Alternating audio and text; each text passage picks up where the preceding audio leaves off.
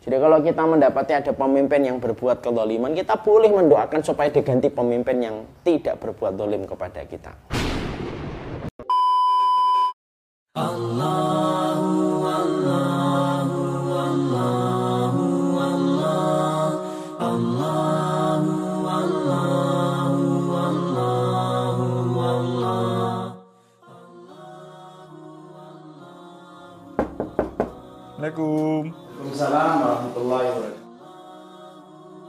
Ada tamu besar. Kita lihat ya, ini siapa ya? Eh, antum Akhil Karim. Fadal, fadal. Gimana kabarnya, Ustaz? Alhamdulillah. Ayo masuk.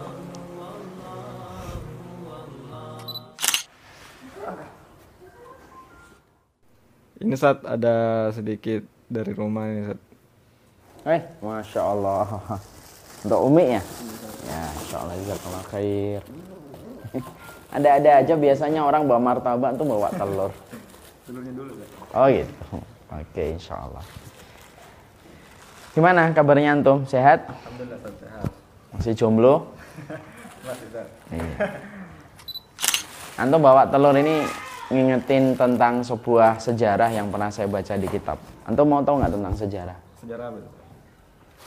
Ada sejarah yang kita pernah baca di sebuah kitab tentang masalah telur. Telur itu ternyata memberikan kita pelajaran besar.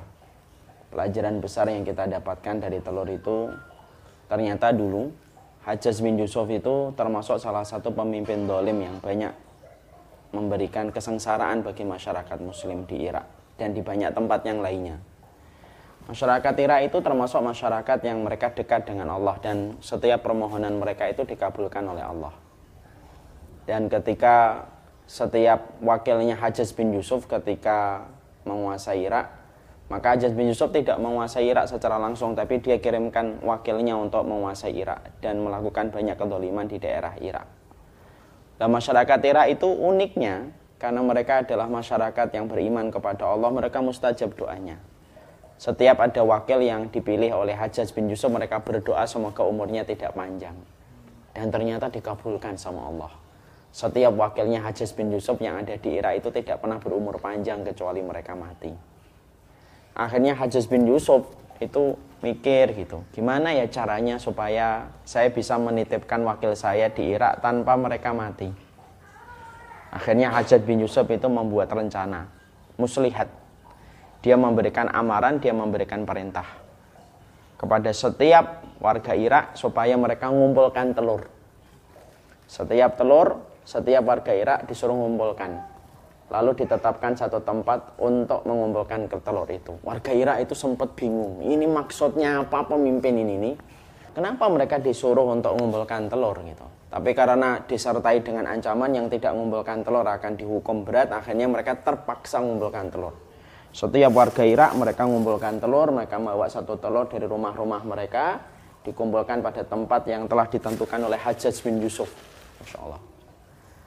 Maka ketika semua masyarakat Irak itu sudah mengumpulkan telur, maka Hajjaj bin Yusuf memberikan perintah berikutnya, instruksi, amaran berikutnya.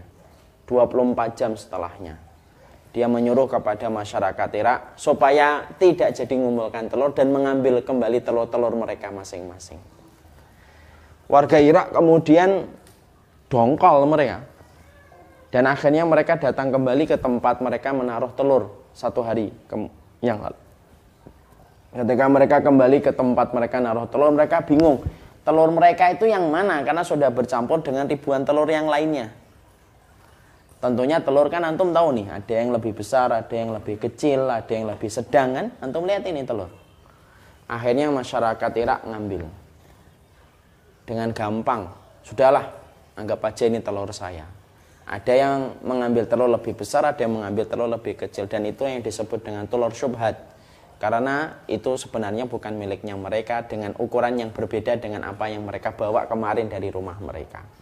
Setelah masyarakat Irak ngambil telur itu, mereka membawa pulang ke rumahnya. Hajjaj bin Yusuf itu gembira, senang dia. Dia ketawa, dia berhasil merencanakan apa yang dia niatkan tipu muslihatnya. Setelah itu, beberapa hari kemudian, Hajjaj bin Yusuf naruh wakilnya kembali di Irak. Setelah peristiwa telur itu. Tanpa masyarakat Irak tahu apa yang sebenarnya sedang terjadi. Ketika wakil barunya dipilih lagi oleh Hajjaj bin Yusuf untuk memerintah di Irak, maka masyarakat Irak kembali mengangkat tangan berdoa semoga wakilnya Hajjaj bin Yusuf tidak bertahan lama. Ternyata doa mereka itu lama nggak dikabul-kabulkan oleh Allah. Dan ternyata wakilnya Hajjaj bin Yusuf itu bertahan lama. Sampai masyarakat Irak itu berkata, ada apa ya dengan doa kita kok sampai sekarang kok berbeda dengan doa-doa kita pada waktu sebelumnya. Setiap wakilnya Hajjaj bin Yusuf tidak pernah bertahan lama. Akhirnya mereka memikirkan, mereka merenung dan akhirnya mereka tahu. Oh ya Allah, gara-gara kami dikecohkan dengan mengambil telur yang akhirnya kami mengambil telur subhat yang bukan telurnya kami akhirnya doa kami sekarang tidak lagi dikabulkan oleh Allah dan tidak lagi mustajab. Apa yang kita dapatkan dalam peristiwa itu akhi? Banyak pelajaran yang kita peroleh. Satu banyak orang yang dolim itu kadang-kadang fakih dan faham agama. Tapi kefahaman dia dalam agama dipakai untuk mendolimi orang. Dua di situ kita mendapati satu peristiwa bahwasanya doa itu sangat tergantung dengan proses makanan halal yang kita ambil. Makanya hari ini siapa pun yang sedang bercita-cita untuk kembali memimpikan dan menjayakan agama Allah, kalau dia tidak memperbaiki bagaimana dia memperbaiki rezekinya dan makannya, maka itu akan menghalangi kita mendapatkan apa yang kita mimpikan bersama yaitu kemenangan agama Allah. Kalau hanya telur yang berbeda ukuran dibawa pulang saja sudah menyebabkan doa tidak lagi mustajab, apalagi urusan yang lebih berat daripada telur. Yang ketiga, kedoliman itu boleh ditepis dengan doa.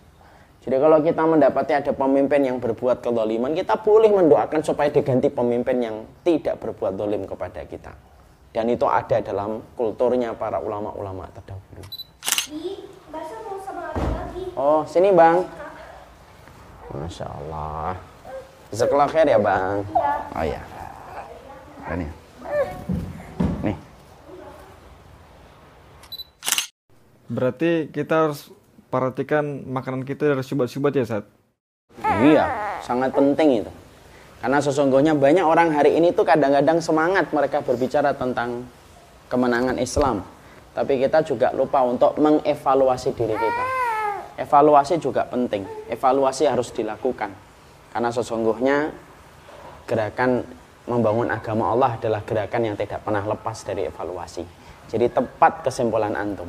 Ayo kita bersihkan seluruh makanan kita dari yang haram dan syubhat supaya setiap kita nanti mengangkat tangan berdoa sama Allah, Allah kabulkan. Bahkan ketika kita meminta sesuatu kepemimpinan yang dekat dengan kitabullah dan sunnah, Selama itu didoakan sama orang yang beriman sama Allah dan Rasulnya, maka pasti Allah akan kabulkan. Allahu, Allahu, Allah, Allahu.